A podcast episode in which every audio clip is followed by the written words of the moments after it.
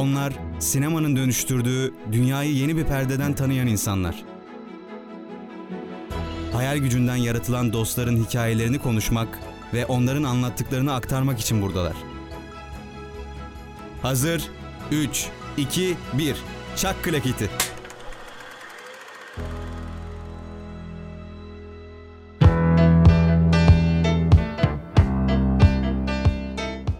Merhaba sevgili radyo dinleyenleri. Bugün yalnız değilim. Barış Kösem yeniden aramıza katıldı. Yeni bölümde Barış'la olacağız. Geçen haftaki yer yer melankolik, yer yer depresif, böyle sosyal sorunlara şey yaptığımız, ne yaptığımız, dikkat çektiğimiz programdan sonra yeniden Barış'layız. Barış nasılsın?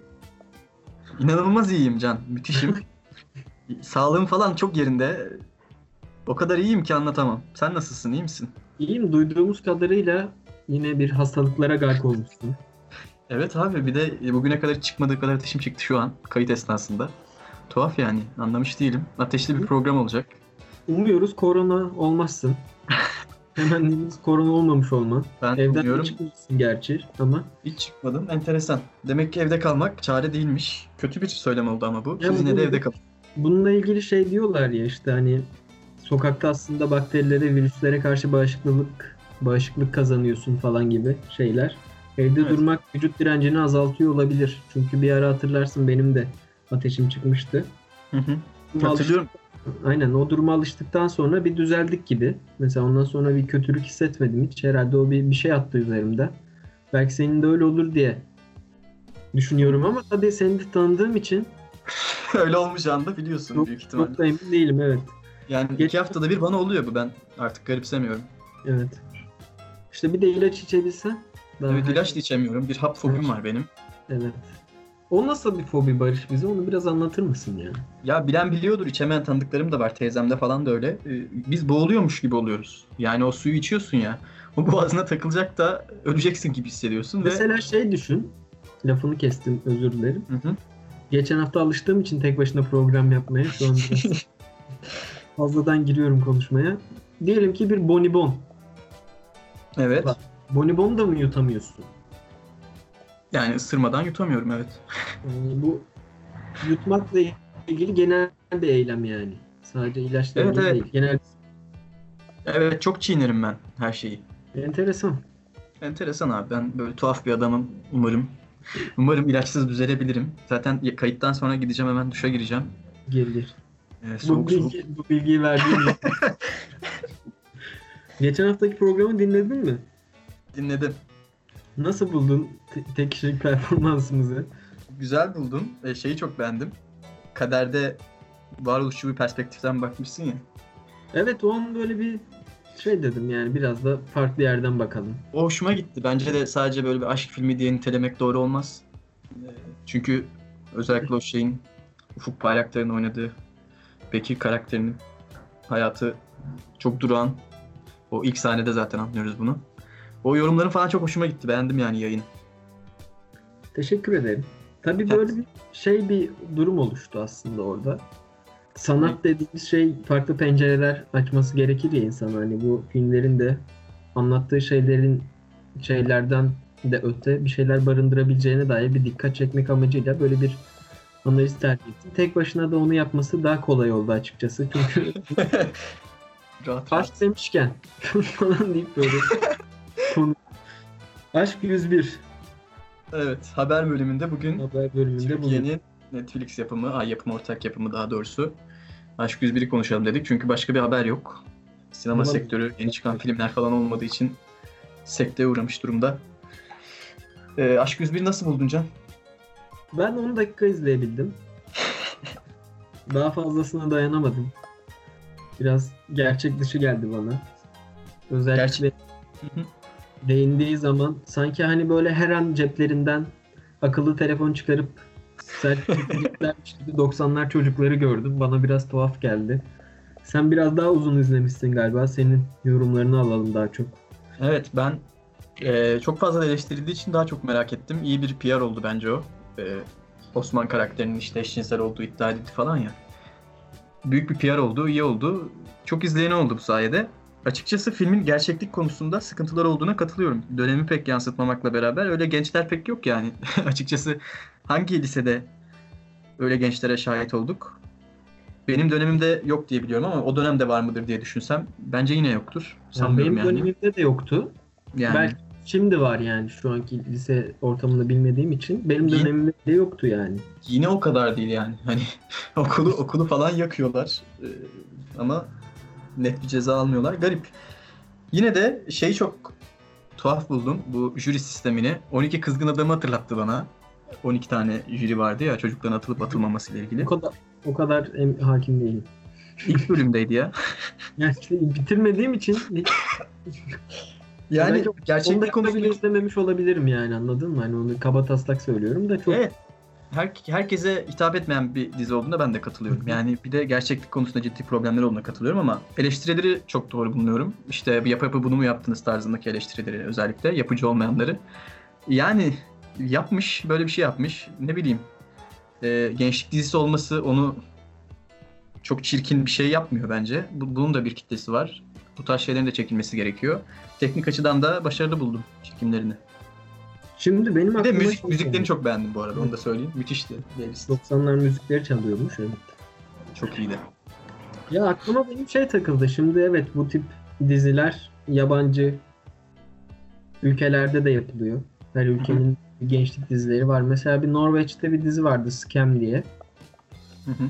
Ee, o da bir gençlik dizisiydi ama hani bu kadar ne derler Ee, sabun köpüğü değildi. Hani daha gerçekten gençlerin sorunlarını irdeleyen bir diziydi.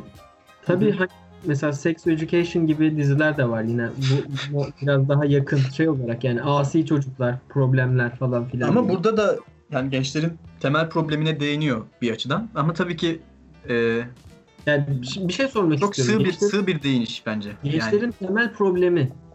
Hı hı. sınıfta öğretmeniyle öpüştükten sonra okuldan atılıp atılmaması dilenmesi mi? Hayır hayır işte birazcık daha bakmış olsaydın şey var. Konformizm eleştirisi var birazcık. İnsanların e, kendi konforları uğruna normalleşmesi, sıradanlaşması ve işte anormal olanların dışlanmasıyla alakalı bir şey var. E, tabii bu İyi şey ama- şöyle bir durum var. Yapılanlar, Normal yapılanlar adam okulu, okulu yakıyor okulu. İşte zaten problem orada söylem olarak. e, böyle bir şey tasvip etmiyorum ben de. Yani eğer yapılan şey birazcık daha akıl alır bir şey olsa. Gerçi o zaman da çok izlenesi bir şey olmazdı diye düşünüyorum bir İzlenesi yandan. bir şey. Mesela Murat Soner'in programında şeyi çok güzel söylüyordu. Bunların dışlanma sebebi mesela birinin e, konser vermesi olsa izinsiz, diğerinin duvarlara resim yapması olsa hani belli bir çizilen sınırın dışına çıkan insanların örselendiği anlamına gelecek. Ama olan şeyler zaten yenilir yutulur şeyler değil hiçbiri. Evet evet. Zaten Yani- sıkıntı o. O Sizdeki. karakterlere, o karakterlerle özdeşlik kurmada problem yaşanıyor da yani en azından ben devam etseydim bu konuda problem yaşadım. Evet evet. Şeyden e, belli bir öğrencileri alıp onlara zorbalık edip işte ödev yaptırmak ne bileyim okulda kumar oynatmak falan bunlar e, farklılık olarak nitelenecek şeyler mi bilmiyorum. Hani daha önce de konuşuyorduk ya Gaspar Noé'de konuşmuştuk. Hı hı. artık hani e, şid- şeye döndü. Kuralsız olmak, özgürlük olmak gibi. Yani başkalarına zarar vermek de önemli değil olan şeyde. Hı hı. O da o da bir farklılık olarak ele al- alınmaya başladı. Sen hani bu artık Katılmıyorum buna. şeyi özgürlük olarak görüyor musun? Yok görmüyorum, katılmıyorum. Yani e, zaten dedim ya söyleminde problem var. O şekilde gösterilmemesi daha iyi olurdu ama e, büyük ihtimalle daha çok izlensin diye yapılmış. Daha e, nasıl diyeyim? Daha popülist bir dizi olmuş bu sayede. Yani izlenesi eylemler ortaya koymuşlar. Kolay izlenebilir, kolay tüketilebilir bir şey olsun diye yapmış olabilirler. Daha çok izlensin diye falan ama söylemde problem yaratıyor. Ben bunu doğru bulmuyorum. Çok sevdiğimiz bir hocamız var. Onun da söylediği bir şey bu e, özgürlük sorumluluktur diyor. Yani işte benim özgürlüğümün başladığı yerde senin özgürlüğün biter aslında. O açıdan bakınca çok sorumlu bir davranış sergilememiş bu gençler. Bu benim özgürlüğüm başladığı yerde seninki biter tabii biraz tehlikeli çünkü kişinin özgürlüğü ne olarak gördüğüne bağlı. Eğer e, istemediği fikirleri duymamak onun için bir özgürlükse o senin e, fikirlerini söylemene de engel olur. Bu bir çatışma yaratır. O kalıba o yüzden çok fazla katılamıyorum. Yani Tamam. kastettiğim, kastettiğim şey şu. Yok senin Ee, kastettiğini biliyorum. Yani aynen mesela sokakta son ses arabayla müzik dinlersin. Evet. Özgürlük dersin buna ama bu özgürlük değil çünkü belki evde uyuyan var ve o sesten uyanıyor. Bunu kastetmiştim Yo, pratikte. onu senin kastettiğini biliyorum. Daha genel bu sözün algılanışı ve hani şimdi Evet. yorumlanışı söz konusu ya. Hı hı, evet. Ee, dizideki sanırım öğrencilerde de öyle bir durum var yani işte biz buyuz, özgürüz. Bu yüzü böyle kabul edin. Anlatabildim mi? Evet evet. Ee, o söylem ve hani bu meşru kılınmaya çalışan bir söylem oldu. Bunu biraz Doğru bulmuyorum. sakıncalı buluyorum. Bir de hani hep biz derslerde de işlediğimiz şey var ya hedef kitle. Hı hı. Ee, bu diziyi izleyecek insanlar ya hedef kitlesi belli sonuçta atıyorum 13-17 yaş arası daha çok izleyecek Hı hı. olanlar. Ve hani onlar da lise çağındalar. Hı hı. Ee, özellikle hani çok fazla dizi izleyen bir yaş grubu ve dizilerden de çok fazla etkilenen bir yaş grubu. Evet. O- onlara böyle bir mesaj vermek e, ne kadar doğru? Hani şeyin de ötesinde, söylemin yanlış olmasının da ötesinde bu hedef kitleye bu söylemi yanlış iletmek, bunu öngörememek de ne- nasıl bir durum? O da tabii çok irdelenmesi lazım. Sadece izlenmesi için belli bir nesli zorbalığa da çok alıştırmamak lazım. Tabii doğru katılıyorum ama e, yaş sınırı konmuş. Şifre konuyor biliyorsun Netflix'te bu tarz yaş sınırlı şeylere. Burada ailelerin birazcık sorumlu olması lazım. Yani Yaş yaşı sınırı kaç koymuşlar? 16 mı? 18 diye biliyorum.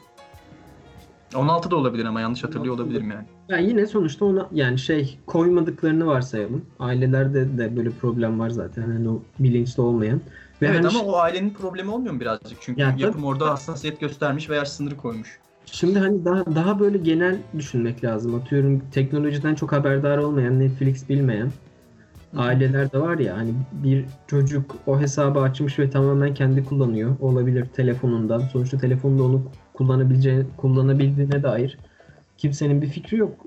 Babasının kredi kartını is- isteyip ben buradan dizi izleyeceğim deyip iki tane E, tabii canım. Tabii. Olur. doğru doğru. bak burası güzel bir şey deyip ikna etmek de çok zor değil. İnsanlar da çok hakim olmadığı için platforma olmayanlar olabileceği için. Hı hı. O da Ama evet buna katılıyorum ben de. Yani olumsuz etkileyecek durumlar var.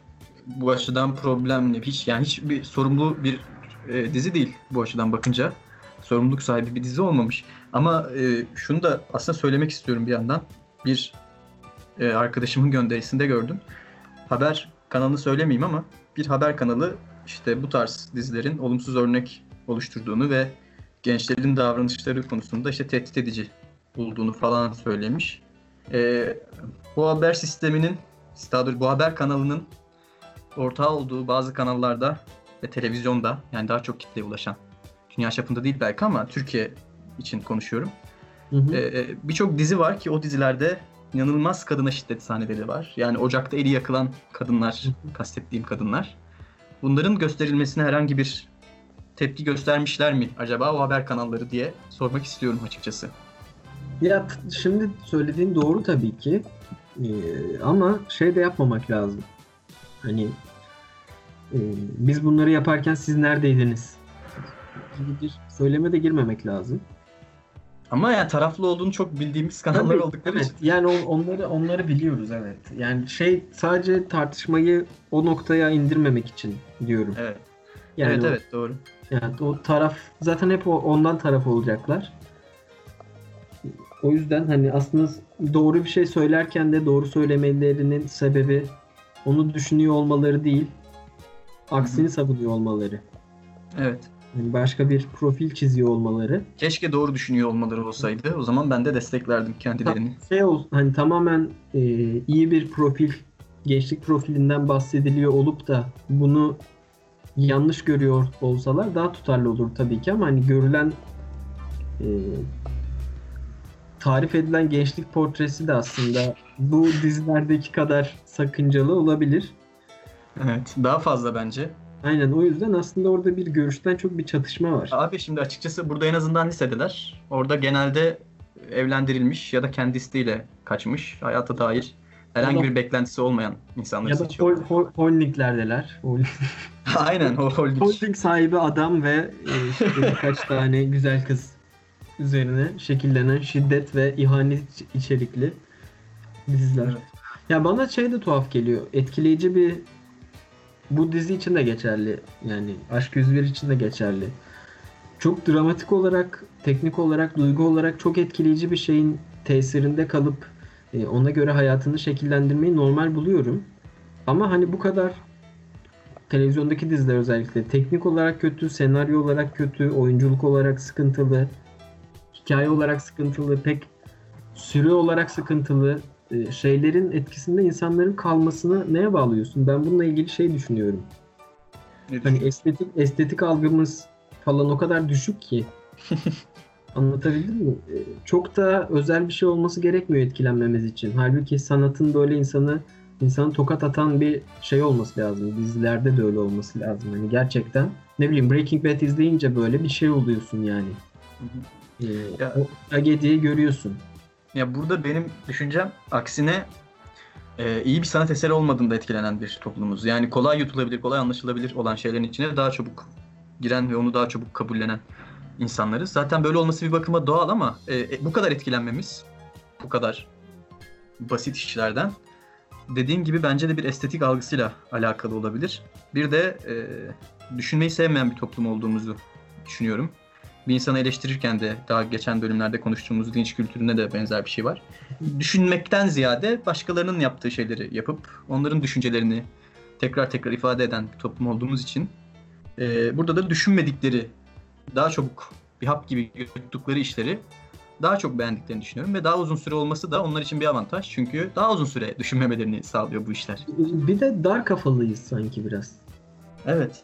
Evet Yani maalesef. konularda. Her konuda değil tabii ki. Normalde çok gençiz mesela. Dünya görüşü olarak inanılmaz büyük oyunları falan çözüyoruz ama hani ne oluyorsa olay o diziye gelince artık büyü mü var? İşte kısmetimiz mi bağlanmış toplum olarak nedir? O dizle, dizilerden de etkileni veriyoruz. O da çok enteresan yani. Üzücü. Bizim için çok üzücü böyle olması. Özellikle bu bölümü okuyan insanlar için. Yani ben tabii bunu bir toplumumuzun şanssızlığı olarak, basiretin bağlılığı olarak görüyorum yani. Bir, bir bazı güçler buna yol açmışlar. Artık yani dünyadaki bütün komploları gören bir insan kitlesinin böyle dizilerden etkilenmesi hani bir orada büyük bir oyun var ben onu hissediyorum. Ben ben şey gibi düşünüyorum abi. e, Türk sinemasının oluşum sürecine baktığımız zaman da e, hem ilk baştaki Muhsin Ertuğrul dönemi hem de daha sonra e, sanat filmlerini tabii ki ayırarak söylüyorum bunu ama Türkiye'deki seyirci kitlesini en çok etkilemiş filmlerin Yeşilçam filmleri olmuş oluşu. E, yani Yeşilçam filmlerinin de kolay tüketilebilen filmler olduğunu biliyoruz. Her ne kadar saygı duyduğumuz bir dönem olsa da e, daha çok Amerikan vari, kolay tüketilebilen işler ve buna alışmış bir milletiz belki. Belki bu tarihteki durumdan gelen Şimdi bir şey. şey, şey de var mesela o işte babalarımızla falan annelerimizle konuştuğumuzda Hı. O zamandan bu yana hatırladıkları filmler de aslında o çok kolay tüketilen filmler değil. İşte Ertem Eğilmez filmleri. Hı hı.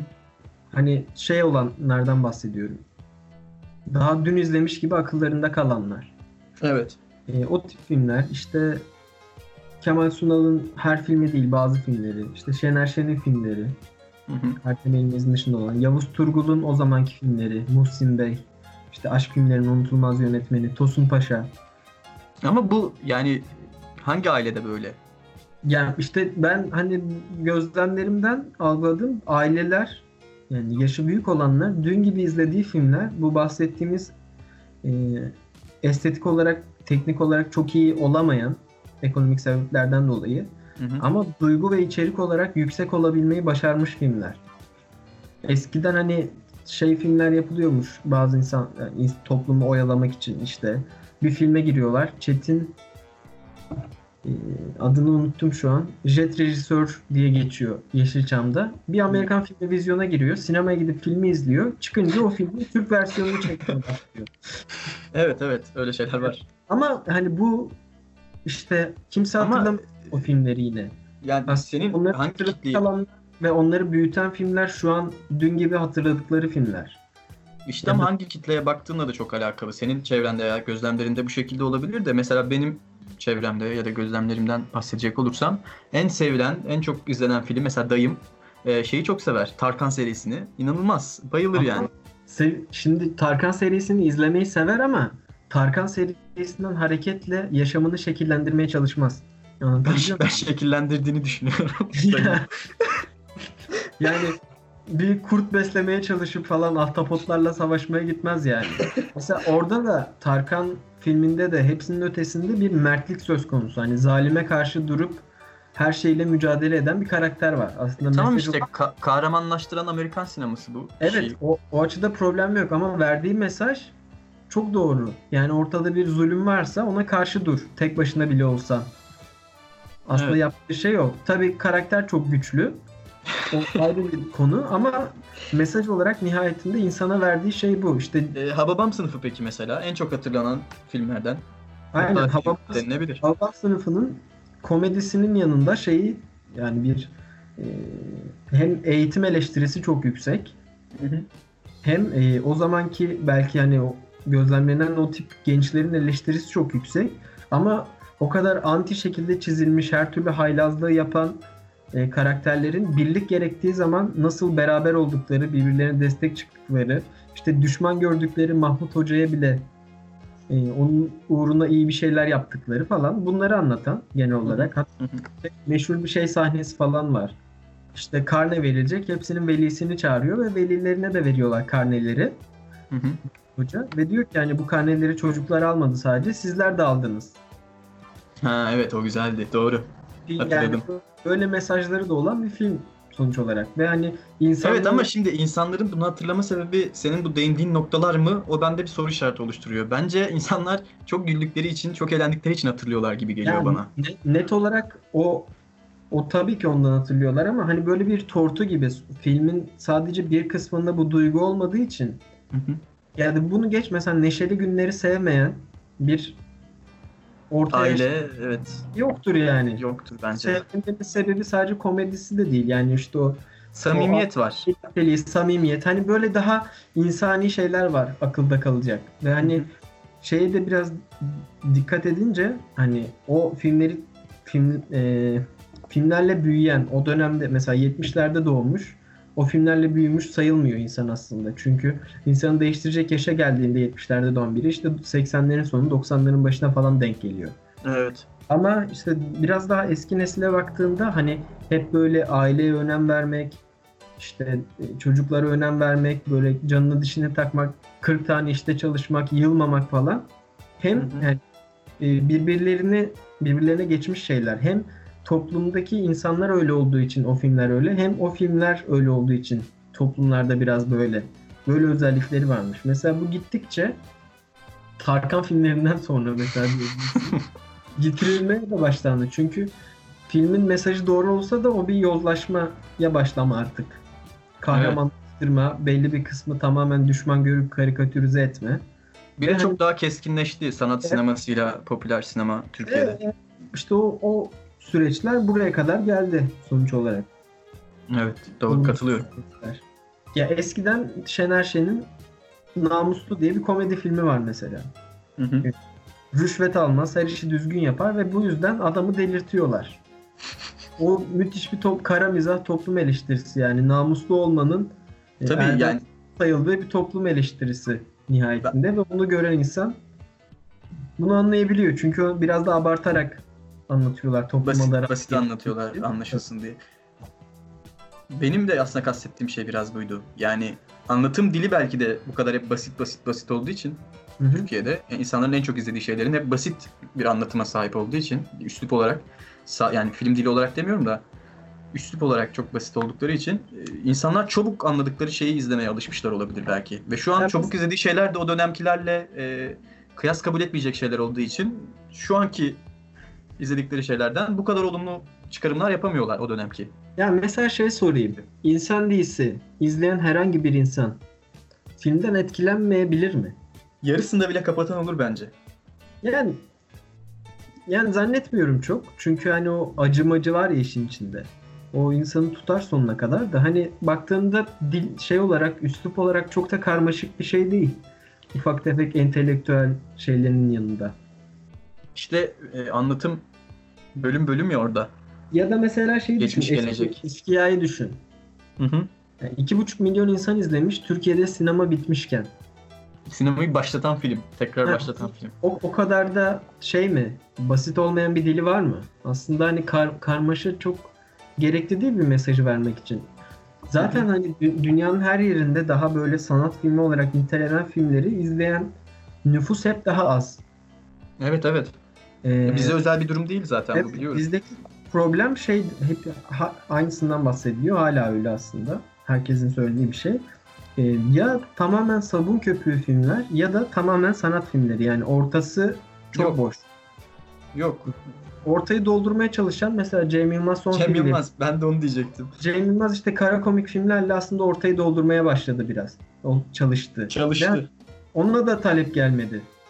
Evet hatta bir söylemi var Okan Bayülgen'de biliyor musun onun söylemini? Ben dedi Nuri Bilge'nin ke- benim kadar izlenmesini istedim dedi ama ben Nuri Bilge kadar izlendim dedi. o kadar haklı ki. Aynen yani işte öyle bir problem var. Sadece sa- hani o- onun dili de basit aslında. Hı hı. Çok da hani alengirli girift değil. Üstelik çok popüler bir adamın filmi. Hı hı. Ee, Ve Ona hani izlenmedi. Ve hani anlattığı değerler e, o işte insani değerler üzerine şeyler Hı hı. o, o filmlerinde ve hani artık ona karşı bir şey görüyorsun. ilgisizlik görüyorsun. Bence hani sadece dille ilgili de değil. İçeriğin tamamen uyuşturucu etkisi olmasını istiyor herkes. Senin dediğin o düşünmeyi sevmiyorlar mevzusu var ya. Hı hı. Tam evet. olarak oraya geliyor yani. evet bence de. Yani düşünmeyi sevmiyorlar. Bunun sebebi birazcık da belki içinde bulunduğumuz dönemdir. İnsanlar uzaklaşmak istiyor olabilirler. O dönemkinden daha çok uzaklaşmak istiyor olabilirler. Hayatlarından daha az memnun olabilirler. Bunun çeşitli sebepleri olabilir. Birçok sebebi olduğuna inanıyorum açıkçası. Belki de öyle bir etkisi vardır. Türkiye'nin değişimi, insanların da değişimiyle ilişkilidir diye düşünüyorum. Al- Albert Camus'un Nobel konuşmasında e, söylediği bir cümle var. Şimdiye kadar diyor e, insanlar dünyayı değiştirmeye çalıştılar. Hı hı. Şimdi ise diyor yani bizden sonraki bizim nesil, neslimiz ve bizden sonraki nesil dünyanın yok olmasını engellemeye çalışacaklar diyor. Çünkü artık değiştiremeyeceklerini biliyorlar. Evet. Şu an aslında hani böyle ortaya çıkan ürünlere baktığında da e, gerçekten yapmaya çalıştığımız şey bir şeyler koyup değiştirmektense yozlaşmayı tersine çevirmeye çalışmak. Hani bu kadar da berbat olmayacak şekilde önüne engeller koymaya çalışmak ürün Evet. yaratırken. Çok e, ciddi öngörülü bir ifade olarak algıladım bunu. Bu uzun, uzun bir düşünmeye etti. Öyleymiş, öyleymiş sahiden. Yani resmen diyor ki artık dünya her açıdan berbat olacak falan. Hani çoğu programımızda yaptığımız postmodernizm eleştirisine tekrar gelecek olursak gerçekten eee, bir şey hani değerlerin yok oluşu postmodernizm. Yani tamamen bireyciliğe ve zevke odaklanan hani kişisel duygulara falan giden. Bir de geçen gün geçen gün eee, şey Aristo'nun savlar hiyerarşisiyle ilgili bir şey okudum. Hmm, Bu da aslında postmodernizmi açıklamak adına önemli bir şey. Ee, sağlar hiyerarşisini beşe ayırmış. En tepede tanıtlama dediği bir şey var. Bu tanıtlama bir şeyi bilimsel olarak, gerçek bilgi olarak ortaya koymak. Hı hı. Tamamen her şeyle e, sunmak ve o tanıtlanan bilgi gerçek bilgi oluyor. Doğru bilgi yani. Anladım. Yani Bunu- en, en en doğru bilgi kanıtlanmış, bilimsel Aynen. olarak kanıtlanmış İşte bilgi. şey olan işte yer çekiminin ifadesi olarak düşünebilirsin atıyorum. İşte deneyini koymuş, açıklamasını koymuş falan. İkinci kısım diyalektik. Diyalektikte de yani ikinci sırada olan diyalektikte de iki farklı düşünceyi savunan iki entelektüel insan var. Burada temel konu bu insanların entelektüel olması. Ve e, düşüncelerini neredeyse tanıtlama kadar güçlü şekilde savunup e, bir tartışma yaratmak. Hı hı. Sonunda e, onu görenler, izleyenler veya duyanlara bunlardan birini seçme şansı bırakmak. O düşünceler birbirini yenmese de ki genellikle ye- yenecek şeyler değil. Çünkü felsefi bir tartışma olarak düşünebilirsin onu. Genel geçer doğrular değil. Aynen. Kim kendisini hangisine daha yakın hissederse onu tercih edecek. Ama dediğim gibi kesinlikle entelektüel ve e, doğruya yönelten fikirler üzerine Hı hı. iki bilgili insanın tartışması. Üçüncüsü retorik. Retorikte bir hatibin, iyi konuşan birinin bir konu üzerine kişileri fikirsel olarak ikna etmeye çalışması. O fikrin altı dolu olmasa bile. Anladım. E, Aklıma Yani çok mesela- fazla örnek geldi. Ha, evet. Şimdi daha da fazla gelecek. Dördüncüsü de şiir. Bir konuyu tamamen duygulara hitap ederek insanları o konuya ikna etmeye çalışmak. evet. Bunu biliyorsun. Evet çok iyi biliyorum. En sonuncusu da safsata. Safsatada da bilgiyle ilgili hiçbir şey yok. Boş boş konuşuyorlar işte. Tamamen bir e, boş konu var. Tartışmalar da şu şekilde. Ben sana diyorum ki sen bu bardağı yapamıyorsun. Sen de bana diyorsun ki ama senin de tabağın kırık. Anlatabildim mi? Evet Şimdi- anladım. Şimdi bilginin şu anki hiyerarşisini düşün. Tartışmalar nereden başlıyor? Ben- Sen bardak yapamıyorsun ama senin tabağın kırığı ne kadar sık duyuyorsun? Hı hı. E, şiiri ne kadar sık duyuyorsun? Yani bir konuyu tamamen duygusal olarak ikna etmek. Hepimiz E, bir En çok dördüncüyü duyuyoruz bence. ikisini de yani kişiler arasında biri çok duyuyorsun. Evet. Toplum olarak şiiri duyuyorsun. Bu Evet. e, bilginin skalasının tersine çevrildiğini gösteriyor. Ve bu postmodernizmden sonra bu kadar büyüdü. Bu da izleyicilerimize bir katkı olarak Dinleyicilerimize gerçekten e, bil- bilgi açısından değerlendirip durumu, yani bilgi akışının görüşün ne kadar tersine döndüğünü ve bunun bilgiyi ne kadar yozlaştırdığını göstermek üzerine bir analiz. Bu tamamen benim analizim değil. Yalın Alpay diye bir yazar var. Hı hı. E, o savlar hiyerarşisini anlatmıştı.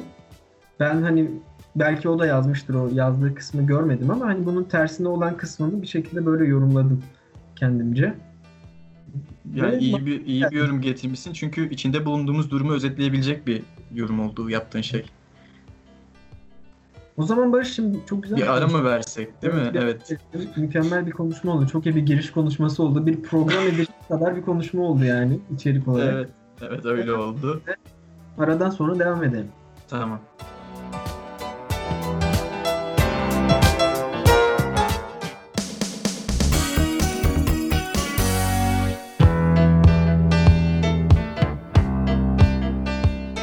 Evet ufak bir aranın ardından tekrar karşınızdayız. Güzel bir ilk bölüm geçirdiğimizi düşünüyorum Barış. Bölüm biterken de söylemiştim. Sen ne düşünüyorsun? Evet ben de katılıyorum. Çok dolu dolu bir sohbet oldu. Hem izleyicilerin bilgilenmesi açısından hem de olayları farklı bakış açılarıyla da, açılarıyla da değerlendirmemiz açısından iyi oldu diye düşünüyorum ben de. Bilgilenme derken geçen Foucault ile ilgili bir şeyler okudum. Hı hı. E, Foucault'un eğitime yaklaşımı ile ilgili. Öğrenmek derken aklıma geldi. Bunu da hemen bölümün başında konuyu açıp sonradan In the Mood for Love'a geçelim. Tabii çok bir yandan e, iktidar ve ona karşı çıkan ilişkisi her şeyde olduğu için aslında o aşk filminde de var, bu eğitimde de var. Hı hı. Foucault e, klasik eğitimi şu yüzden hoş bulmuyormuş. Burada bir e, öğretici var. Öğretici bir erk. Yani Hı hı. bir güç sahibi ve e, onun karşısındaki insanlara bir şeyleri bilmediklerini söylüyor. Ve neleri bilmeleri gerektiğini söylüyor ve onların bilmesi gereken gerektiği şeyleri bildiğini ve onların e, neyi öğrenmesi gerektiğini de bildiğini söylüyor. Ve bu bilgileri aktarabilecek kişinin de kendi olduğunu söylüyor. Şeyde Foucault da buna suçlama diyor.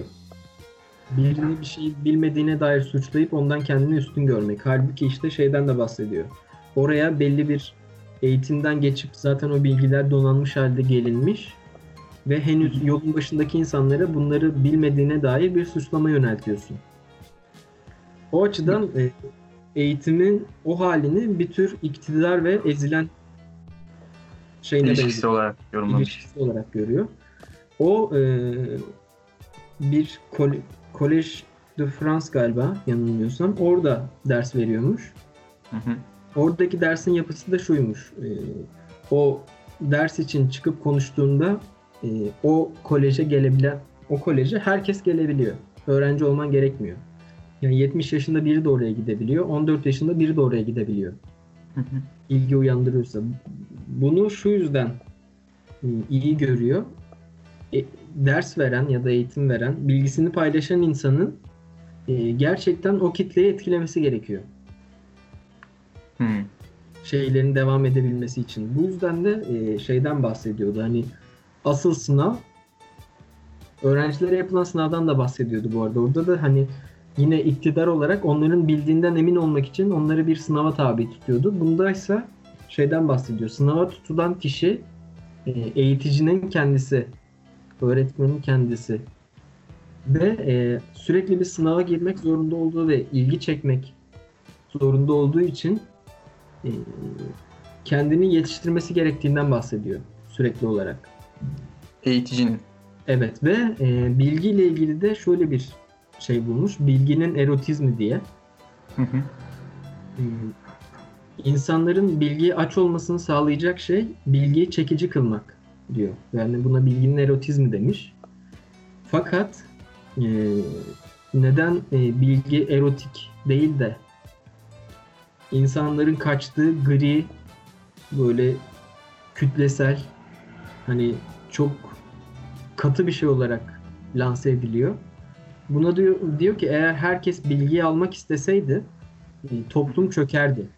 Çünkü bilgi elinde bulunduran insanların bir değeri kalmazdı.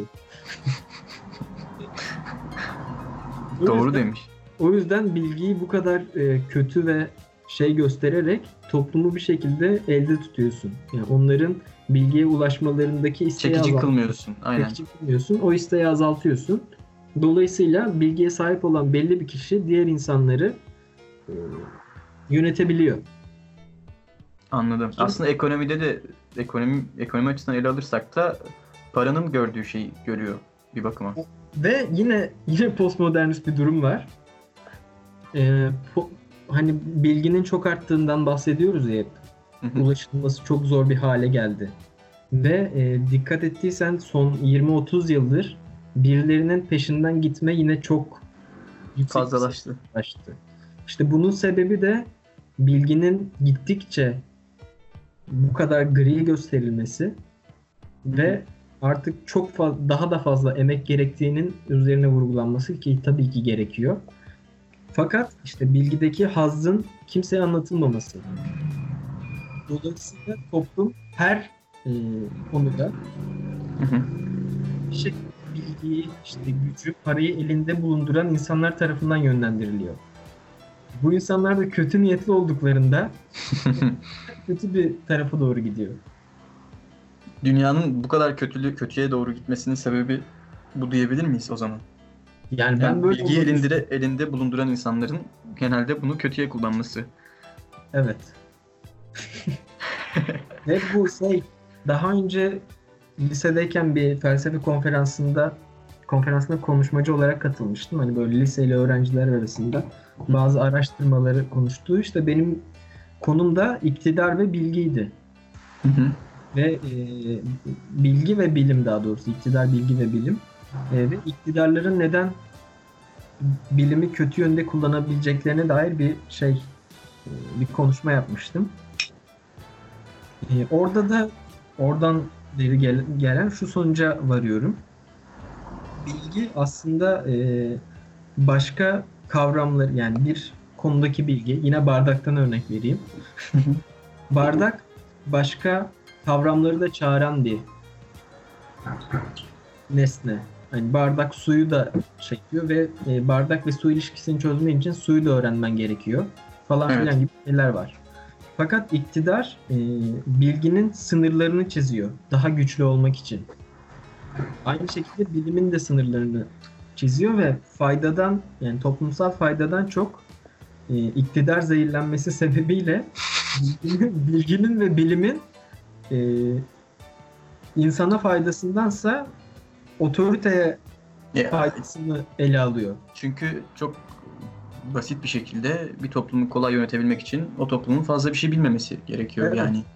Ya sadece bu dediğim bu arada şey değil. Hani bir e, kavramsal bilgiden bahsetmiyorum. Atıyorum Hı hı. işte atomun parçalanması. Bu normalde toplumsal faydası olan bir şey. Yani bir sürü Bilgi. bil- şey yapabilecek. Yani bi- bilim açısından çığır açıcı bir şey. Ama bunu atom bombası yapmaya odaklayan bir iktidar var. Ve e, bilimin açtığı yolu daraltarak bunu atom bombası yapmak üzerine yoğunlaştırıyor bu bilgiyi. Dolayısıyla toplumsal bir faydadan çok otoritenin kazanması üzerine bir şeye dönüşüyor. Yani bilimi pragmatik bir faydaya dönüştürüp tamamen kendi için kullanıyor. Evet birazcık da insanın ilkel tarafıyla alakalı diyebilir miyiz buna? Çünkü e, hem saldırgan hem de savunma içgüdüsü olan bir canlıyız. Devletteki, iktidardaki veya işte atomu bu şekilde kullanan güç sahiplerinin de bu şekilde düşündüğünü acaba düşünebilir miyiz? Yani düşünebiliriz. Şeyde insanlık tarihinde bunu aile hekimimle konuşmuştum bir Sağlık kontrolü ee, şeyden bahsediyordu işte otoriteyi yani ele geçirip her şeyi, her şey sahip olabilecekken bunu kullanmayan tarihte üç büyük lider var. Tito, e, Gandhi ve Atatürk. Bunun haricindeki herkes bunu kötüye kullanmış diyor. Yani e, bu insanların da ilkel taraflarını yenebilme becerisine sahip olduğunu söyleyebiliriz yani. Zaten o yüzden çağı değiştirebilecek kudrete ve güce sahip olabilmişler bu sayede. Evet bir de e, saygı da çok fazla görüyorlar diğer liderlere nazaran. Yani bir şeyleri tersine çevirmişler tamamen. Hı hı. Olmayacak şeyleri başarmışlar. O yüzden saygı duyulmaları da çok normal o açıdan. Evet katılıyorum. Evet filmimize geçelim. In the Mood for Love. In the Mood for Love. Von Kar-wai'nin 2001 yapımı filmi. Hı hı. Ben Çok- hiç başlamadan önce bir şey söyleyebilir miyim? Tabii. Soundtrack'i inanılmaz. Yani Ve bir tane şarkı var soundtrack'inde. evet. Başka yoktu değil mi? İki Yok, tane daha Yumeji diye bir parça var kemanla çalınan. Filmin içinde başka bir şarkı da çalıyordu sanki. Çalmıyor muydu hiç? Yani olabilir ama hani Soundtrack yok, evet. emin değilim ama ben Yumeji olarak hatırlıyorum. Evet Tamam. evet o. Ya benim bahsettiğim de o. İnanılmaz ya. Be- Yani en kavramını kullanmak çok istemiyorum ama galiba en çok beğendiğim soundtrack olabilir. Bir başkasında bir başkasını en çok sevene kadar en çok sevdiğim bu şu anlık. Şöyle bir durumda var. Bunu ben canlı dinleme fırsatı yakaladım bu şarkıyı. Ee, hem de fuarda ücretsiz bir kemanist gelmişti adını unuttum. O çalmıştı bunu. O an istemsizce gö- gözlerimden yaş aktı can. Yani öyle bir etkisi var bende. İnanamıyorum yani. Yani bir şey gibi insan bir hatasını bulmuş gibi böyle insan duygulandırmanın bir açığını bulmuş gibi bir şekilde insanı Evet. çok tuhaf etkiliyor. Yani aşk Ee, aşk Yine de- filmi. Çok özür dilerim. Ben ben böldüm. Buyur. filmin görüntüleri de aklına gelince duygu şeyi daha da artıyor. Yani filmi müzik çok daha etkili. helal, helal. Ufak bir sağlık problemi yaşıyor Barış kardeşimiz o yüzden arada. Yok. Boğazıma su kaçtı o yüzden. Hah, geçti. Ben şey yaparım bunu. Kırparım. Evet. eee, filmle ilgili söyleyebileceğimiz en garip şeylerden biri filmin doğaçlama çekilmiş olması. Bir çekim planı olmadan. Evet yani bir fikir var. Fikri söylemek ister misin? Klişemiz bu olduğu için senden. Evet, spoiler'ı benim vermem gerekiyor. Filmde aslında çok basit ve çok klişe bir hikaye ama iyi şeylerin klişelerden çıkma gibi bir huyu var. Ee, bir çiftimiz var. Erkek olanın adı Chop, bayan olanın adı Chen. Ee, bu ikisi ikisi de evli. Fakat ikisini de eşleri hep uzak seyahatlerdeler. Doğru düzgün ilgilenmiyorlar. Hiç yani aralarında bir ilişki yok. Ve bu iki insan da birbirinden hoşlanmaya başlıyor. Fakat e, eşleri de bunları aldatıyor. Böyle bir durum var. Ancak bu karakterlerimiz kendilerine eşlerinin yaptığı pisliği yakıştıramayıp böyle bir şey yapmamak için sürekli içlerindeki duyguları bastırıyorlar. E, açıkçası konusu bu. Özetlemek gerekirse. Şimdi ben sana bir şey soracağım. Hı. Bu insanlar eşlerini aldatmak için özgür değiller mi yani? Özgürler ama e, Şimdi er- erdemli bir davranış sergilediklerini düşünüyorum ben. Erdem ne Barış? Erdem ne ki? Ölçülü olmak. Yani bu eşlerini aldatmış bu insanlar daha mutlu olmuşlar. Yani özgürlük bu değil mi abi? Değil. Az önce konuştuk daha bunu. Özgürlük bu değil. Biliyorum. Bu, bunu zaten şey İroni bir yaptım. şey söylüyorum evet. Evet evet biliyorum farkındayım. Şey e, altın anlam diye bir şey var Erdem etiğinde. Hı hı. Daha geçen gün ders aracılığıyla denk gelip okumuştum. Orada da erdem, erdemli olmanın ölçülü olmakla ilişkili olduğunu söylerken işte bunu bir üç kategoriye ayırıyor. Ee, aşırı olmak, iki aşırı uç ve ortası ölçülü olmak diye. Burada ben bu Chov ve Chen'in davranışlarının çok ölçülü olduğunu düşündüğüm için erdemli insanlar olduğunu belirttim. Orada e, mesela aşkla ilgili bir sistemde ilgisizlik, takıntı ve ortasına aşkı koymuş. Yani burada e, bir ilgisizlik veya takıntı durumu yok. Saf bir aşk var ama aşırı davranış yani aldatma eylemine karşı da kendileri aynı aldatma eylemini göstermiyorlar. Buna karşı iradeli davranıyorlar. Bir nevi bu irade de onların erdemli olmasını sağlıyor gibi. Bir Geldi de bana. hani bu şeye kaydıkları zaman e, beraber olma istekleri arttığı zaman Hı hı. bunu bile çok ölçülü yaşıyorlar. Yani sadece bir el ele tutuşmaktan, Evet. işte yağmur altında durmaktan ibaret. İnanılmaz naif şekilde yaşanan bir aşk söz konusu. Yani bir aşk filmi çekmek için bir öpüşme sahnesine veya bir e, yatak odası sahnesine ihtiyaç duymuyorlar ki bunu ya duy- duymamaları aslında film için çok daha iyi oluyor. Hatta bir saniye atmıştı galiba yönetmen değil mi? Ondan emin değilim. Yani şey mesela planlanıp da buna ihtiyaç duymamak olabilir. Fakat bir filmi doğaçlama çekmeye başlayıp bir yerde çuvallamadan buna ihtiyaç duymamak çok büyük bir ustalık yani. Evet. İnanılmaz. Şiirsel şiirsel bir dili var. Belki o e, düşünmeden çekilmesi de bunu destekliyor olabilir. Filmin şiirsel oluşunu. Ya, fi- filmin çekimi de 8 ay sürmüş bu arada hani. 8 mi? Ben 15 diye 15 Biliyordum. belki ya ben 8 diye hatırlıyorum. 8 ayda çekilmiş diye hatırlıyorum ama belki de, senin dediğin doğrudur. Hatta görüntü yönetmeni falan ayrılmış ekipten. Yani çok normal 15 ay bir film çekilmesi.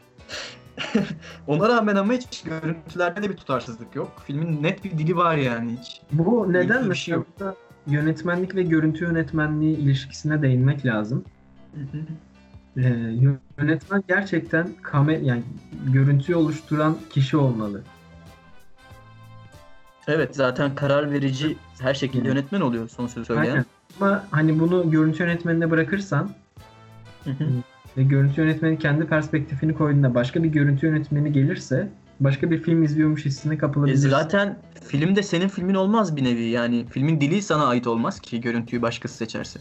Ve mesela şeye dikkat et, kurgucusu değişen, e, görüntü yönetmeni değişen filmlerde o farkı görmüyorsun ama yönetmeni değişen filmlerde tamamen her şeyi dışarıda bırakarak söylüyorum. Hani sanat yönetimi, oyunculuk falan. Görsel dili bıçak gibi ayrılıyor hemen. Hemen, Evet. hemen fark edebiliyorsun farklı birinin devam ettiğini. evet aslında yani bir e, bir yazı yazmak gibi. Yani bir romanı yarısını Dostoyevski yarısını Tolstoy yazarsa o roman çok iki ayrı roman olur yani dilleri O açısından. yüzden sinema bir yönetmen sanatıdır derken Metin Erksan mesela çok haklı bu konuda. Ve hani çıkıp da hayır bu kolektif bir iştir demenin manası yok yani. Evet tamam. Kolektif iş şöyle kolektif iş. Yönetmenin yapması gereken diğer işleri başkaları devralıyor sadece. Evet. Ya aslında hepsi bir araç. Evet. Yani orada yönetmen hariç orada olan her şey yönetmenin anlatmak istediğini ortaya koyması için bir araç ve hepsi yönetmenin istediğini yapmakla yükümlü.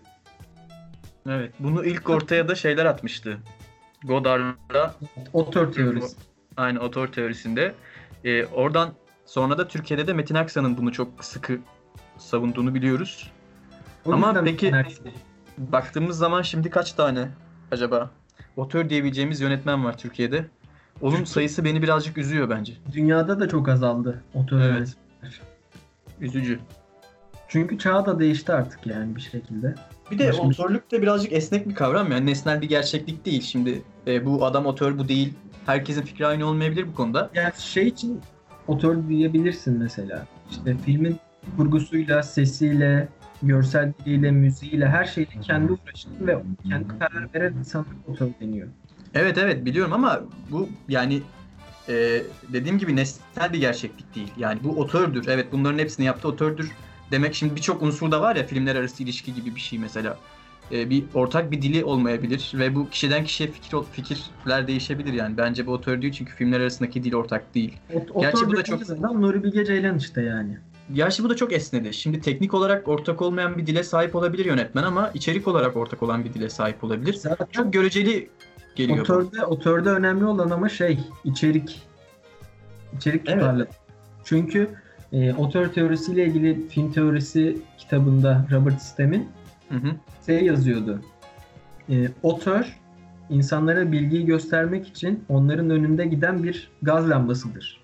Yani ışığı nereye tutarsa oradaki bilgiyi gösterir. Dolayısıyla Burada da içerik ön plana Teknik, teknikten e, öte bir içerik söz konusu şeyde. Teknik e, evet tabii. destekleyen bir şey. Otöre Daha göre. arka planda kalıyor şeye göre, içeriye göre. Ama hani mesela içerik olarak birbirinden çok bağımsız filmler çeken ama teknik olarak birbirine benzeyen filmler çeken insan da otör olarak kabul edilebilir bence. Mesela Kubrick'e bakalım.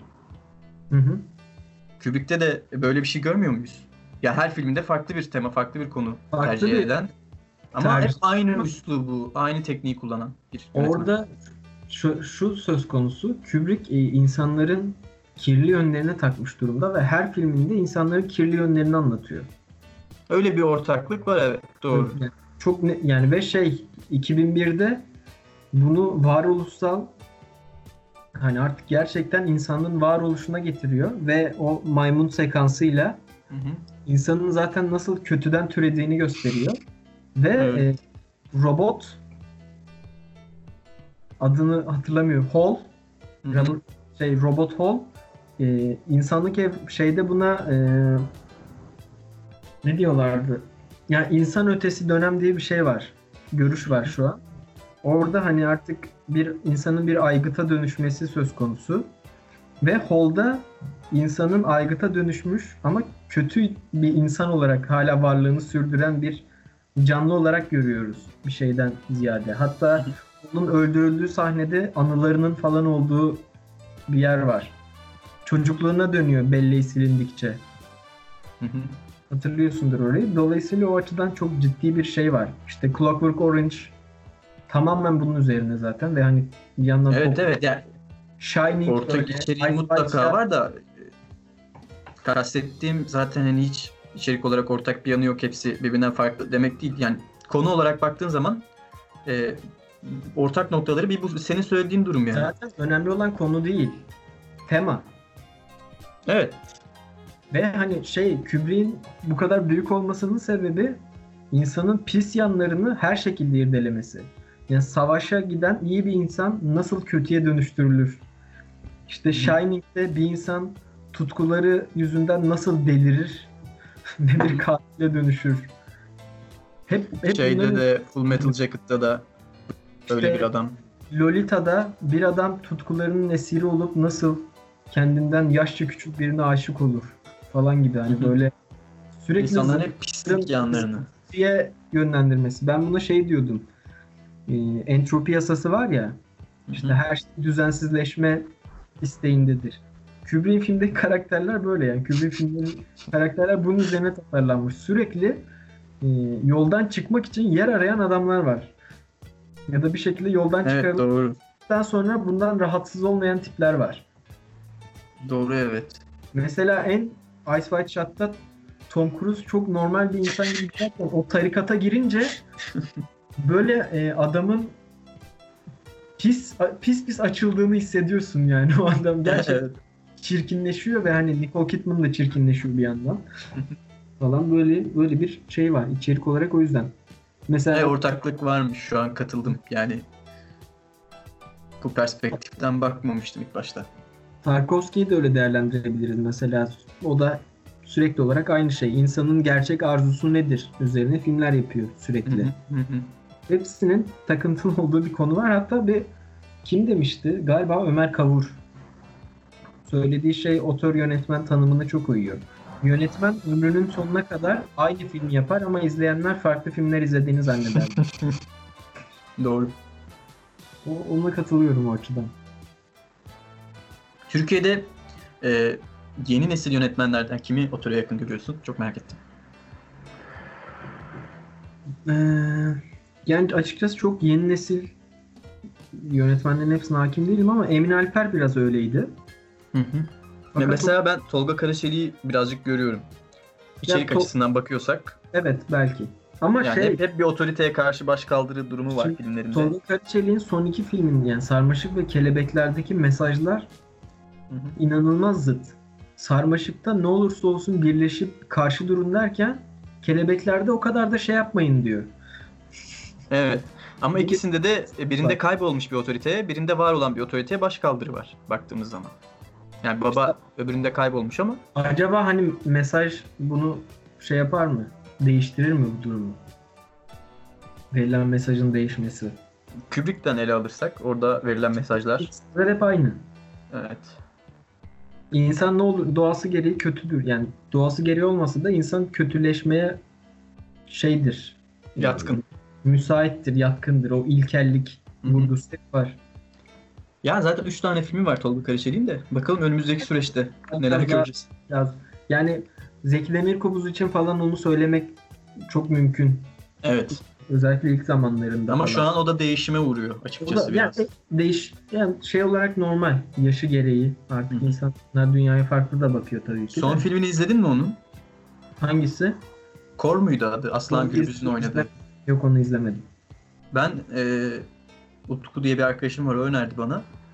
Birazcık baktım e, çok beğenmedim açıkçası. Benim Zeki Demirkubuz filmlerine kader ve masumiyet hariç böyle bir yaklaşımım var. Neden Evet, bilmiyorum. sen sevmiyorsun pek. Yani Belki tarz- severim. Şimdi filme şeye dönelim. Evet. Evet. dönelim. Çok şey yaptık ama nereden döneceğimizi bilemedim hiç. Şeyden bahsedelim istersen. E, bu sır muhabbetinden. Evet. Bu çok güzel bir yaklaşım getirdin. Dinliyoruz Barış Bey. Bu ben e, radyoda konuşuruz diye oradaki repliği birebir aldım önüme. Yanlış okumayayım diye.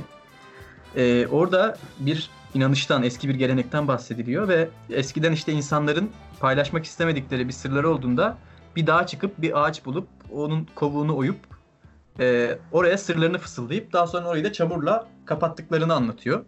Bu şekilde sırlarını onlardan başka kimsenin öldürem öğrenemeyeceğini öldürmek nereden çıktı? öğrenemeyeceğini e, söyleyen bir gelenekmiş bu.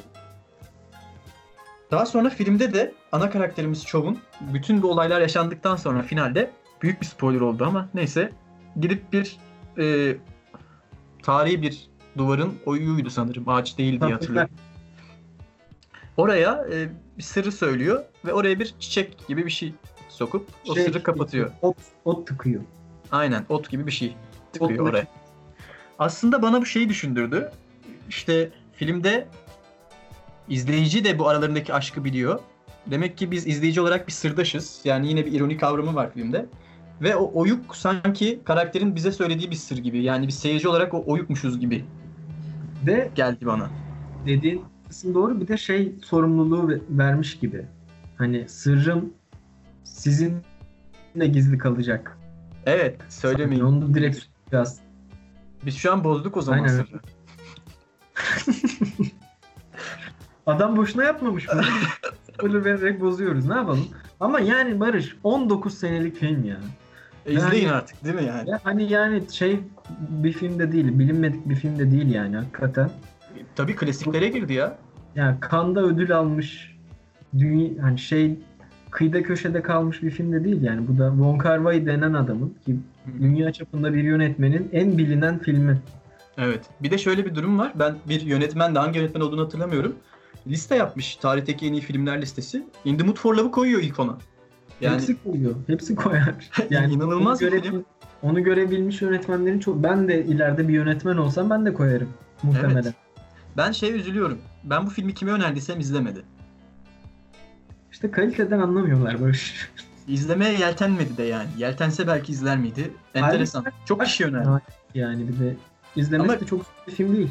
Ama işte kabul etmiyorlar ya. Üslup olarak şiirsel bir üslubu var. Bir de yani herkesin izleyebileceği kadar Ya akışkan bir film değil ya. Yani Ondan- bilmiyorum bana çok şey gelmiyor. Hani bana da gelmedi de işte insanlar. hani bu şey olarak da snob bir tavırla da söylemiyorum yani. Hani Hı hı.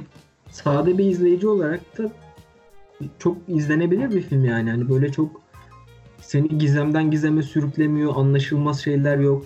Çok Durumlar durağan olduğu için belki. Belki hani durumlar çünkü gayet açık. Ee, o durumların yarattığı hisler üzerine gidiyor. Yani böyle klip gibi sahneler var.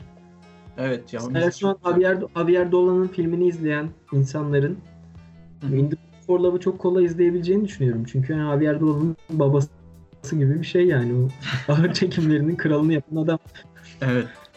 Bir de şu an mesela düşündüm aklıma şey geldi o bahsettiğim sırla alakalı. Ee, sanki orada çoğu karakteri yönetmeni temsil ediyor gibi. Yani biz oyuksak çoğu da yönetmen gibi geliyor şimdi düşününce. Yani Çok da zorlamayalım be. ama öyle bir öyle bir izlenim aldım yani şu an düşündüm. Olabilir evet. Ve Zaten hani bunu bu kadar doğaçlama yapması karakterle özdeşlik kurmasını gerektirir bence. Evet. Ve hani filmin mesela oturdukları yerler falan Hong Kong filmiydi galiba. Hı hı, Hong Kong. Bilmiyorsam hani böyle e, o kadar dar yerlerde yaşıyorlar ki. Şimdi Evet bunu, bir sıkışmışlık da var. bunu hani bunu farklı farklı değerlendirebiliriz. Birincisi şöyle. insanların hayatları çok fazla iç içe geçmiş durumda o sıkışıklıktan dolayı. Hı hı. Özel durumları yok gibi neredeyse. Onu hani çok kağıt gibi duvarlar ayırıyor insanların hayatlarını. Ve Hı kapıdan beraber çıktıklarında burun buruna geliyorlar hep. Evet.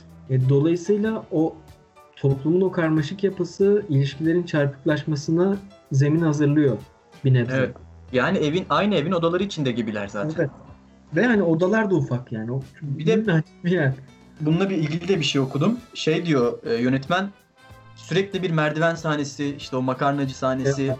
Falan bir tekrar var ya. Bunu bilerek yaptığını, işte zaman ya onların duyguları hariç hayatta hiçbir şeyin değişmediğini göstermek istediğini söylüyor.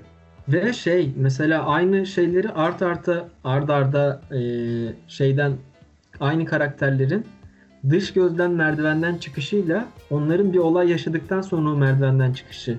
Onun Evet, dizinde Evet aynı evet işte. merdivenden çıkış sahneleri aslında onlar. Aynen. Bir onların o heyecanıyla çıkışları ve bir de dışarıdan göründükleri halde çıkışları üzerine bir perspektif sunmuş. Bu da çok yenilikçi, çok cesur bir şey. Çok iyi filmdi ya.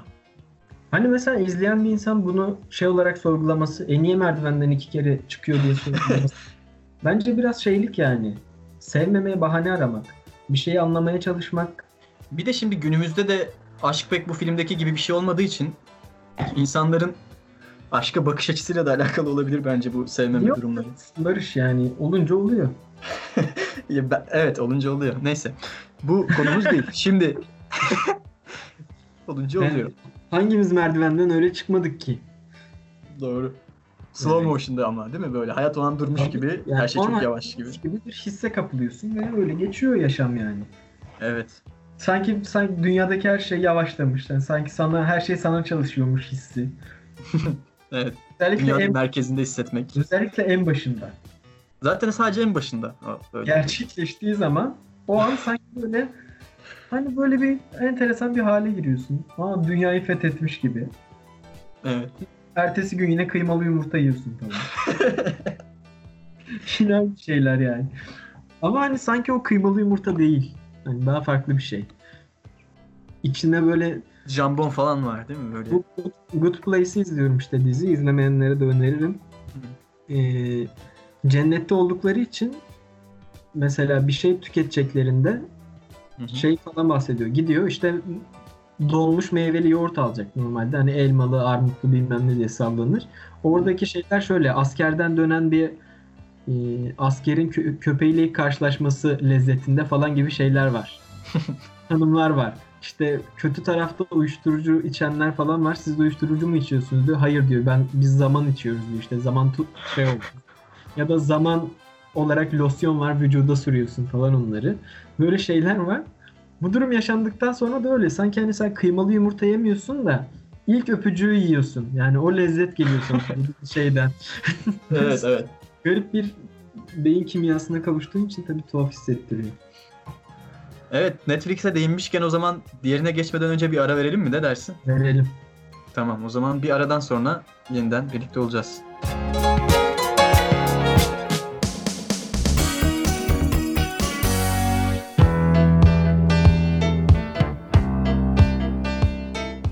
Evet aradan sonra un ortodoksu konuşmak üzere karşınızdayız Barış. Diziyi nasıl buldun Barış? Ben çok beğendim diziyi. Ee, bir Hasidik cemaati var. Bu cemaatin içerisindeki Este adında bir kızın e, bu cemaatten sıyrılıp kendini keşfetmesini anlatan bir hikaye. Cemaat tabi toplumdan çok soyutlanmış. Amerika'nın göbeğinde bir cemaat ama e, dış dünyayla hiçbir ilişkileri yok. Böyle bir cemaat ve dinin böylesine bu taraftan bakınca böylesine bağlanılan bir dinin insanlar üzerindeki etkisini görüyoruz aslında birazcık da. Sen nasıl buldun? Ya ben çok beğendim öz- özellikle oyunculuk performansı açısından. Evet. Ee, kıza bayıldım. Şirah Evet. Hasmiş adı. Hasmiymiş Evet ve- ismi. Ee, bir şey bilgisi aldım. Kocasını oynayan karakterin ilk deneyimiymiş. Müthiş. Kamera önünde ve harika bir oyunculuktu gerçekten. Evet ikisi taşıyor zaten filmi. Baktığımız zaman. Ve şey bir e, cemaati tanımamız için bir şeydi. Ee, ne derler? Sen söyle kelimeyi hatırlamıyorum şu an. Çok basit bir kelimeyi. Araç Fırsattı. mı? Fırsattı. Evet. Sen benimle bir araştırmanı paylaşmıştın. Çok tek boyutlu olduğu ve Evet evet. Vizel diye bir birisi bu cemaatte bulunan daha öncesinde bulunan anlatılanları çok e, aşırı abartı bulmuş ve bu Hasidik toplumuna hiç benzemediğini iddia etmiş. Yani ben şey öncelikle hani bu bir belgesel değil. Hı hı. Tabii biraz bir anti propaganda durumu var gibi.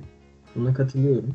Ama hani karakterlerin de çok tek boyutlu olduğu kanısında değilim. Teknik olarak e, cemaat lideri üzerine çok bir e, karakter derinliği kurulmamış ama onun da e, cemaatin kurallarını simgeleyen bir karakter olarak çizildiğini düşünürsek e, teknik olarak öyle olmasının doğru olduğunu düşünüyorum ve Moshe diye bir karakter var kötü olan.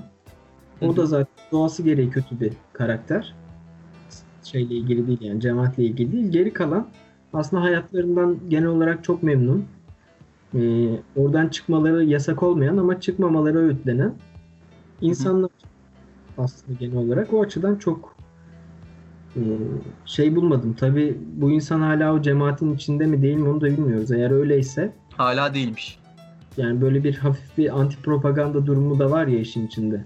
Buna Evet. karşı çıkmaları da çok normal. Her inanç, inançtan ya da o inancı yaşamış insanın böyle düşünmesi normal olabilir. Anti. Evet yani ama zaten dediğin gibi çok e, taraf tuttuğu belli biraz yani dizinin Evet. belli bir perspektiften baktığı çok belli ama bu aşırıya kaçıyor mu? Sadece onun bir görüşü. Yani onu belirtmek istedim ben. Yani ben şey öyle düşünüyorum demiyorum da orada yaşamış birisi öyle bir yorum getirmiş. Bir de hani filmdeki asıl içeriği din olarak almamak lazım. Din orada bir motif gibi ve aslında Evet. hani bir baskıcı bir toplum olarak ele almak lazım ama tabii ki buna karşı olan hassasiyet de anlaşılabilir. Bundan sonra ondan sonra Netflix bir dizi daha çıkardı. Adını hatırlamıyorum şu an ama yine aynı tarikatın günlük yaşamı ile ilgili ve sanırım bütün karakterler onların içinden karakterler ve Kudüs'te geçiyor hikaye. Belki de aldıkları tepkiler sebebiyle böyle bir içerik eklediler. Olabilir. İçin- Ben onu görmedim.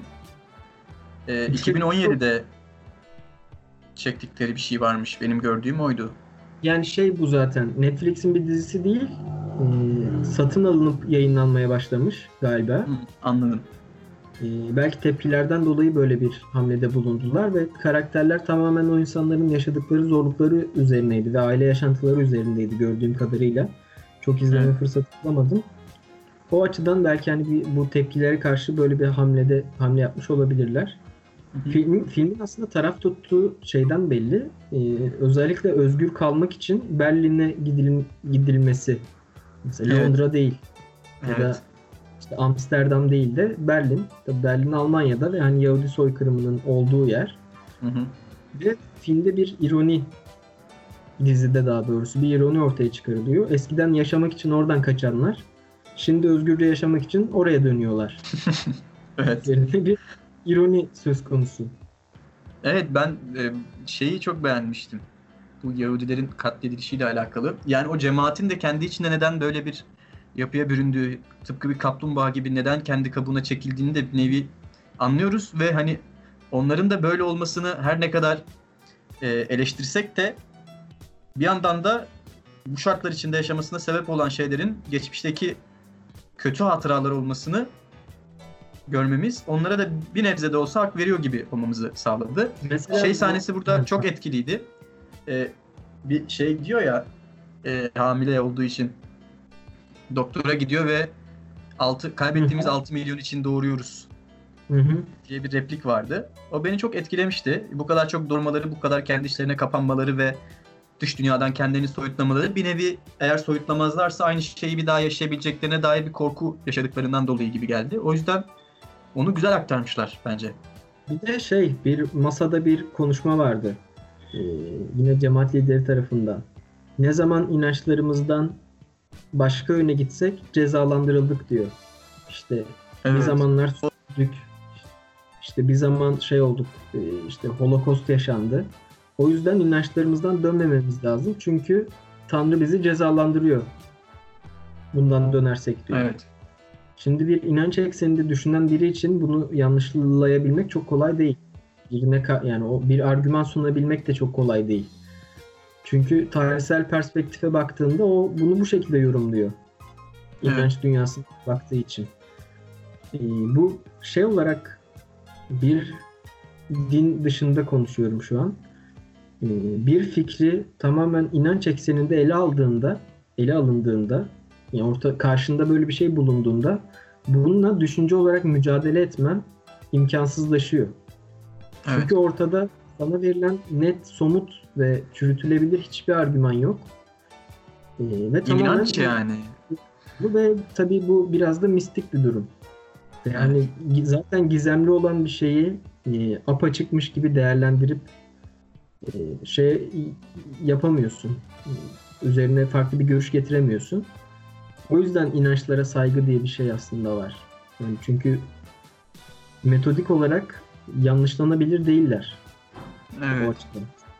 Düşünceye Doğru. dayalı değiller. Tamamen bir kapılmaya dayalılar. Tabi burada hani karşı çıkılabilecek nokta şöyle olabilir. İşte din felsefesi de bu yüzden var zaten.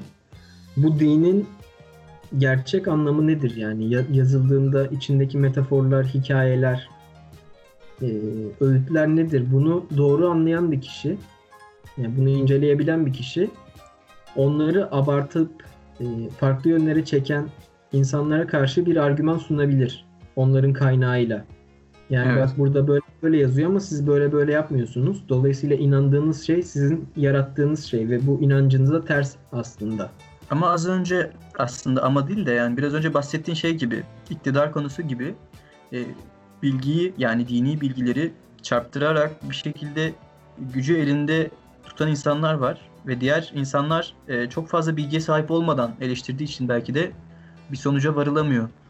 Yani dediğin gibi eğer o dinler arası dinlerin nasıl ortaya çıktığıyla alakalı veya işte gerçek anlamda neler ifade ettiğiyle alakalı şeyleri pek bilmeyen, araştırmayan insanlar e, dinleri eleştirince o dini savunan insanlar da e, bir şekilde o tartışmada haklı çıkabiliyorlar, haklı konuma gelebiliyorlar.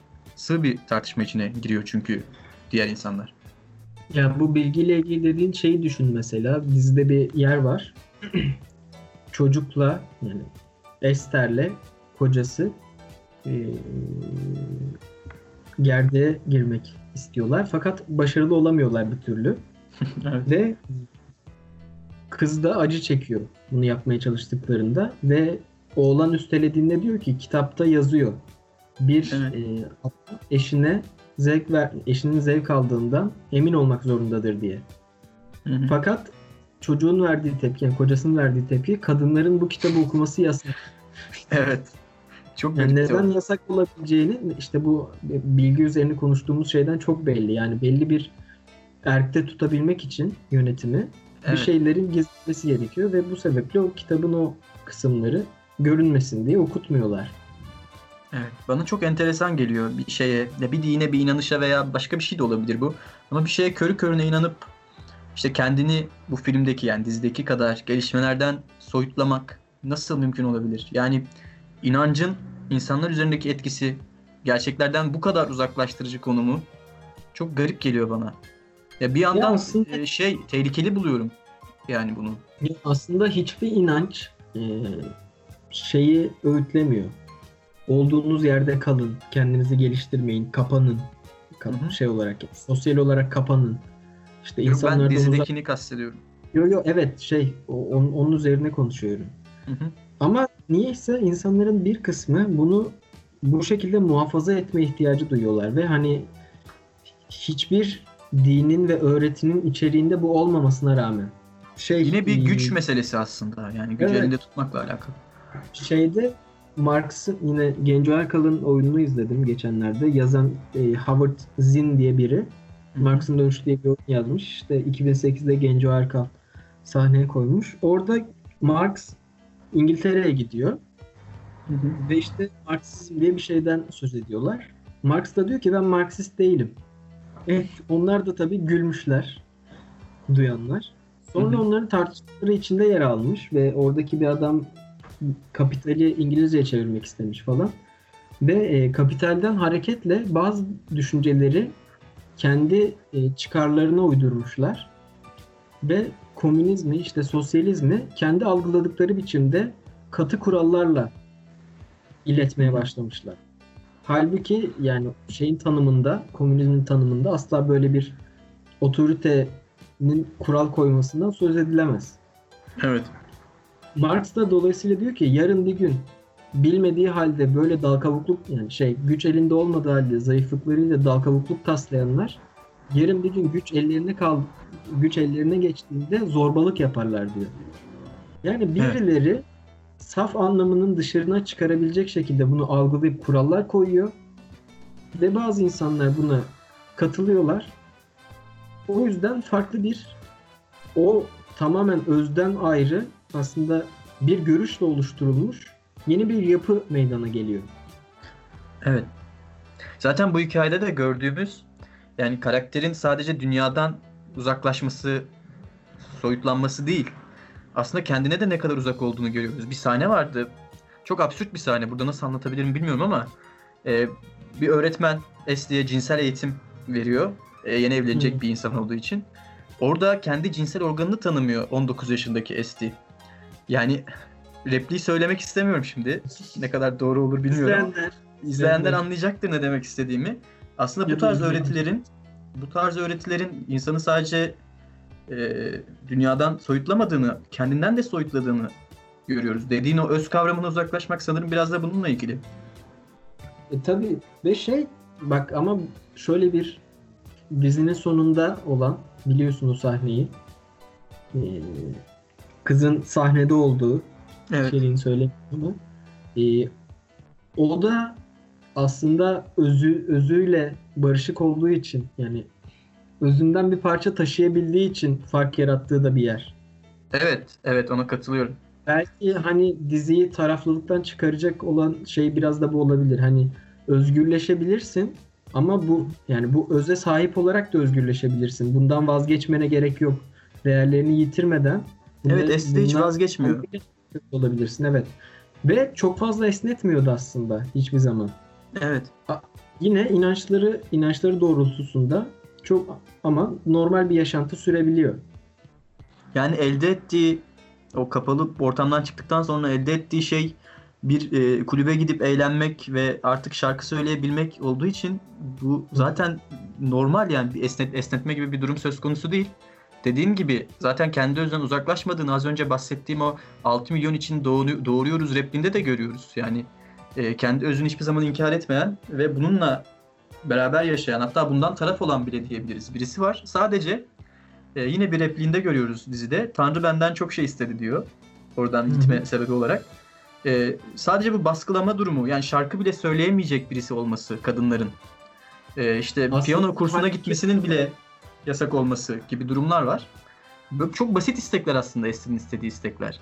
Ve orada ondan talep eden de aslında gerçekten Tanrı'nın mı talep edip etmediğini bilmiyor. Tamamen Evet, okuyamadığı için. Yani biri, biri bunu söylüyor. Böyle isteniyor diye. Aslında temel işte en, en temel problem orası zaten. Olayın asıl problemi orası. Ve şey çok güzel bir sahneydi. Bu gölde yüzmeye gittiklerinde Ee, arkadaşlarından biri şey anlatıyordu işte Yahudiler bu gölü yüzerek geçmeye çalışır derken burada vurulup öldüler diye. Evet. E siz de, siz de burada yüzüyor musunuz? diyordu falan. Hı hı. Sonra suya girdiği sahne herkesin aslında hayatını sona erdirdiği yerde onun özgürlüğe geçiş anı Evet. çok e, şiirsel ve anlamlıydı ve yani kız o kadar iyi oynuyor ki. Müthiş oynuyor. Bir de orada şey gibi bir söylem de var. Geçmişe bu kadar bağlı Kızıydı. geçmişe bu kadar bağlı kalmayalım tarzı bir söylem de var. Ee, arkadaşları böyle söylüyor. Hatta arabada daha giderlerken İsrailli kızın söylediği de çok çarpıcıydı. Ee, işte geleceğimizi inşa etmek için geçmişi bir kenara bırakmalıyız tarzı. İsrail'in bulunduğu konumla da çok ilişkili söylediği şey. Yani şey olarak hani buradan kastettiği tamamen bir kin duygusuyla hareket etmemekse Evet. e, doğru fakat hani bir geçmiş tamamen kenarı da Atılabilecek Bırakma- bir şey değil tabii. şu açıdan geçmişi bırakmamak lazım. Çünkü hani o da bir ders içeren bir şekilde bir tecrübe süreci olduğu için tamamen geri bırakmak da benzer hataları tekrar yapmaya sebep olabilir yani. Evet zaten e, dediğin o finaldeki müzik sahnesinde de geri bırakılmadığını anlıyoruz. Evet evet. Şey de çok güzel bir sahneydi. Yankee'nin akıllı telefona işte karım nerede diye sorması. Yani Yani Google'dan bile o kadar uzaklar. Ee, Amish topluluğu var. Ee, Amish topluluğu işte şey hiç elektrik falan kullanmıyorlar. Bunlar Utah'ta yaşıyorlar galiba yanlış hatırlamıyorsam ve hani kılık kıyafetleri de çok benzer. Ama sanırım bir Hristiyan uzantısıydı. Belki Yahudidir onlar da emin değilim. Onlara da benz yani on, kılık kıyafetleri de benziyor. Onlar da asla akıllı telefon falan kullanmıyorlar. Ya da işte hasta olduklarında hastaneye gitmiyorlar falan galiba. Ya da hastanelerde e, teknolojik aletler kullanmıyorlar. Böyle şeyleri Evet vardı. O da- benziyormuş. Bir de şeye değinmek istedim ben şimdi. Bu e, Berlin'e gittiği zaman Esti ilk defa bir orke- orkestrayı dinliyordu ya. Hı hı. Orada e, gözleri doluyordu ve aslında değişimin bir adımı oluyordu o da onun için. Hem kendi idealleri, hayalleri de o doğrultuda olduğu için hem de e, sanırım birazcık şeyi görüyoruz yine. Sanatın insanların üzerindeki o değiştirici gücünü. O, o gözyaşı yani gözlerinin dolduğu sahne bana şey hatırlattı. Das Leben der Anderen'deki o sahneyi hatırlattı. Piyano çalarken. Ciddi mi? Ya müthiş. Evet. Çok benzer şeyler zaten. Planlar da çok benzer. Çok hoşuma gitmişti o. Sanat gerçekten insanları inanılmaz bir şekilde etkisi altına alabilen bir şey. Genelde olumlu anlamda değiştiren bir İşte biraz biraz kendini serbest bırakmak lazım seni etkilemesi için. Bu karşı durmamak lazım. evet. Yani özümsemeye çalıştığın zaman seni değiştiriyor hakikaten. O açıdan da güzeldi. O sahne de çok hoştu. Evet. Bir şey kalmadı galiba diziyle ilgili. Galiba evet konuşacağımızı konuştuk. Spoilerlarımızı da verdik. Evet 4 haftalık şeye bu kadar spoiler vermek ne kadar doğruydu bilmiyorum ama artık Yani, yani yine genel bir sürü şeyini anlatmadık ama güzel yerlerini anlattık biraz. izlesinler Sıkıntılı. mutlaka. En, en basitinden farklı bir kültür görecekler. Evlere kapandığımız Evet. şu günlerde e, güzel bir şey yani bu farklı kültürden Yani son zamanların bence en iyi oyunculuk performansını izleyecekler. Esti tarafından. Evet inanılmaz ya. Onu mutlaka göreceğiz başka projelerde bence.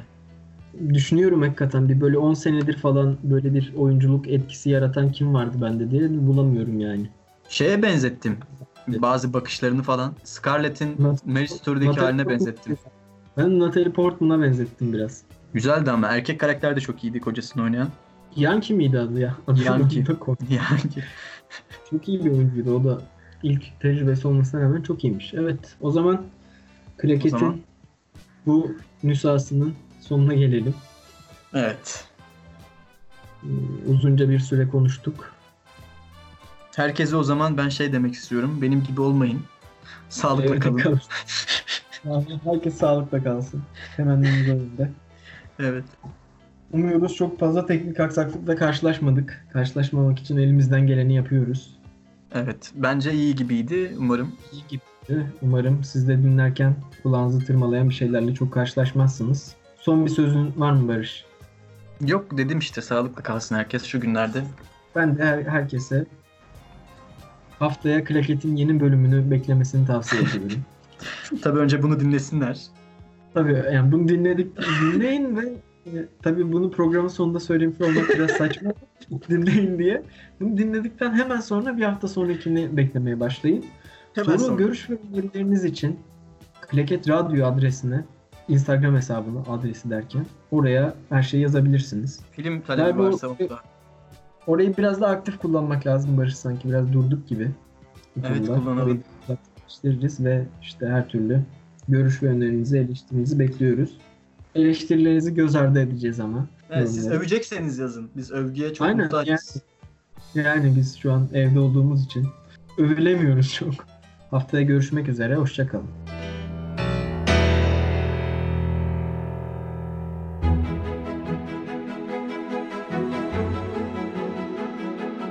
Onlar sinemanın dönüştürdüğü dünyayı yeni bir perdeden tanıyan insanlar.